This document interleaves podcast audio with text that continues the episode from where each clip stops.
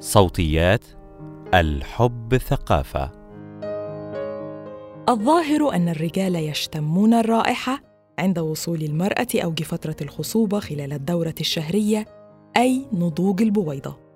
فعند بعضهم ارتفعت نسبة التستوستيرون بنسبة 37% عندما اشتموا رائحة ملابس نساء خلال فترة الإباضة وفقاً لدراسة علمية.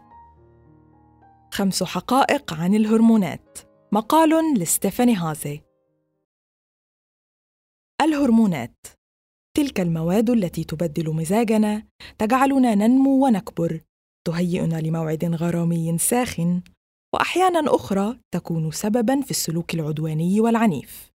هرمون التستوستيرون مثلا مهم للشباب مفتول العضلات وهرمون الأستروجين ضروري لتنظيم الدورة الشهرية عند الإناث. فلنتابع معا أهم الحقائق عن هرمونات الأنوثة والذكورة. ماذا تفعل بنا الهرمونات؟ يعرف هرمون التستوستيرون بهرمون الذكورة. أما هرمون الأستروجين فهو نظيره لدى الإناث هرمون الأنوثة.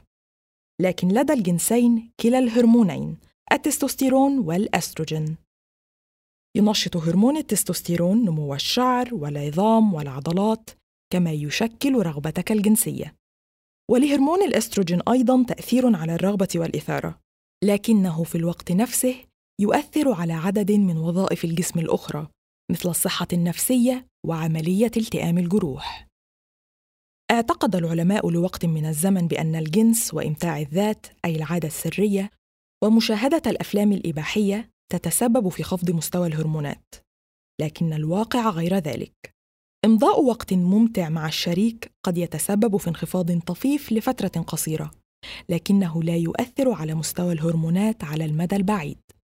وما يؤثر بالفعل على مستوى الهرمونات هي المشاكل الصحية مثل السمنة وارتفاع ضغط الدم والسكري. ما الذي لا تقوم به الهرمونات؟ كما اعتقد الباحثون سابقا بأن مستوى هرمون التستوستيرون ينخفض مع تقدم السن. ولهذا كانوا يوصفون للبعض المكملات الهرمونية لعلاج الفشل في الوظائف الجنسية والتقدم في السن. لكن يا ليت الأمر كذلك.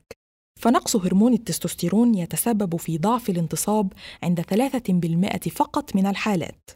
وعلاج أي رجل بهرمون يزيد من رغبته الجنسية بدون أن يحل مشكلة الانتصاب لديه هي قسوة في حد ذاتها.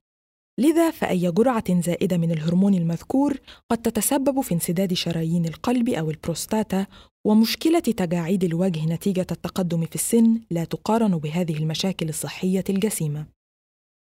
الحب والهرمونات. الوقوع في الحب وإنجاب الأطفال يغير من نسب الهرمونات لدى النساء والرجال. عندما تعشق المرأة فإن هرمون التستوستيرون يرتفع لديها. بينما ينخفض إنتاج هرمون الأستروجين والأمر هو العكس تماما عند الرجل.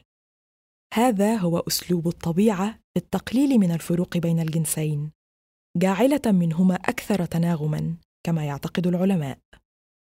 وتعود الهرمونات إلى مستواها الطبيعي بعد سنة إلى ثلاث سنوات من الرغبة الجنسية تجاه الآخر هذا إن استمرت العلاقة أصلا.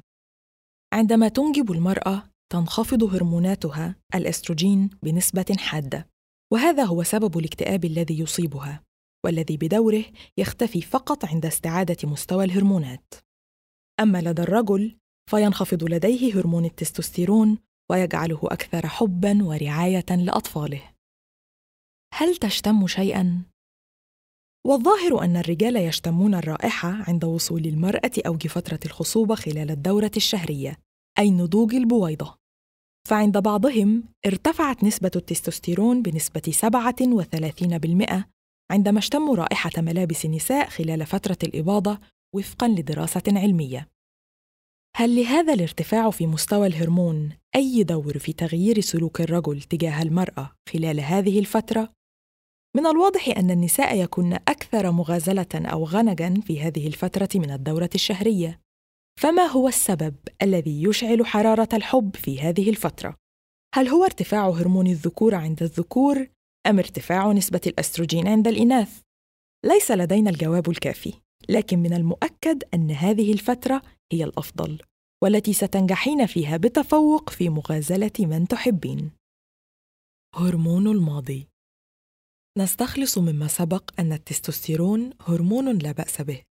فهو ينمي العضلات وينشط الرغبة الجنسية لكن كلما زادت نسبته فإن النتائج تصبح غير مرغوب بها. ونسبته العالية سواء عند الرجال أو النساء تسبب السلوك العنيف. هل بات لهرمون التستوستيرون حاجة في عالمنا الحاضر؟ الصلع لم يعد موضة عند الرجال. وبالمناسبة العلاقة بين الصلع ونسب هرمون التستوستيرون العالية عند الرجال خرافة شائعة لا أساس لها. لقد كانت نسبة الهرمون مرتفعة عند الإنسان البدائي لتمكنه من القيام بأعمال شاقة تتطلب السلوك العدواني، مثل الصيد وتحضير النيران والدفاع عن النفس. أما الآن فلا يتطلب التسوق في سوبر ماركت الحي الكثير من التستوستيرون.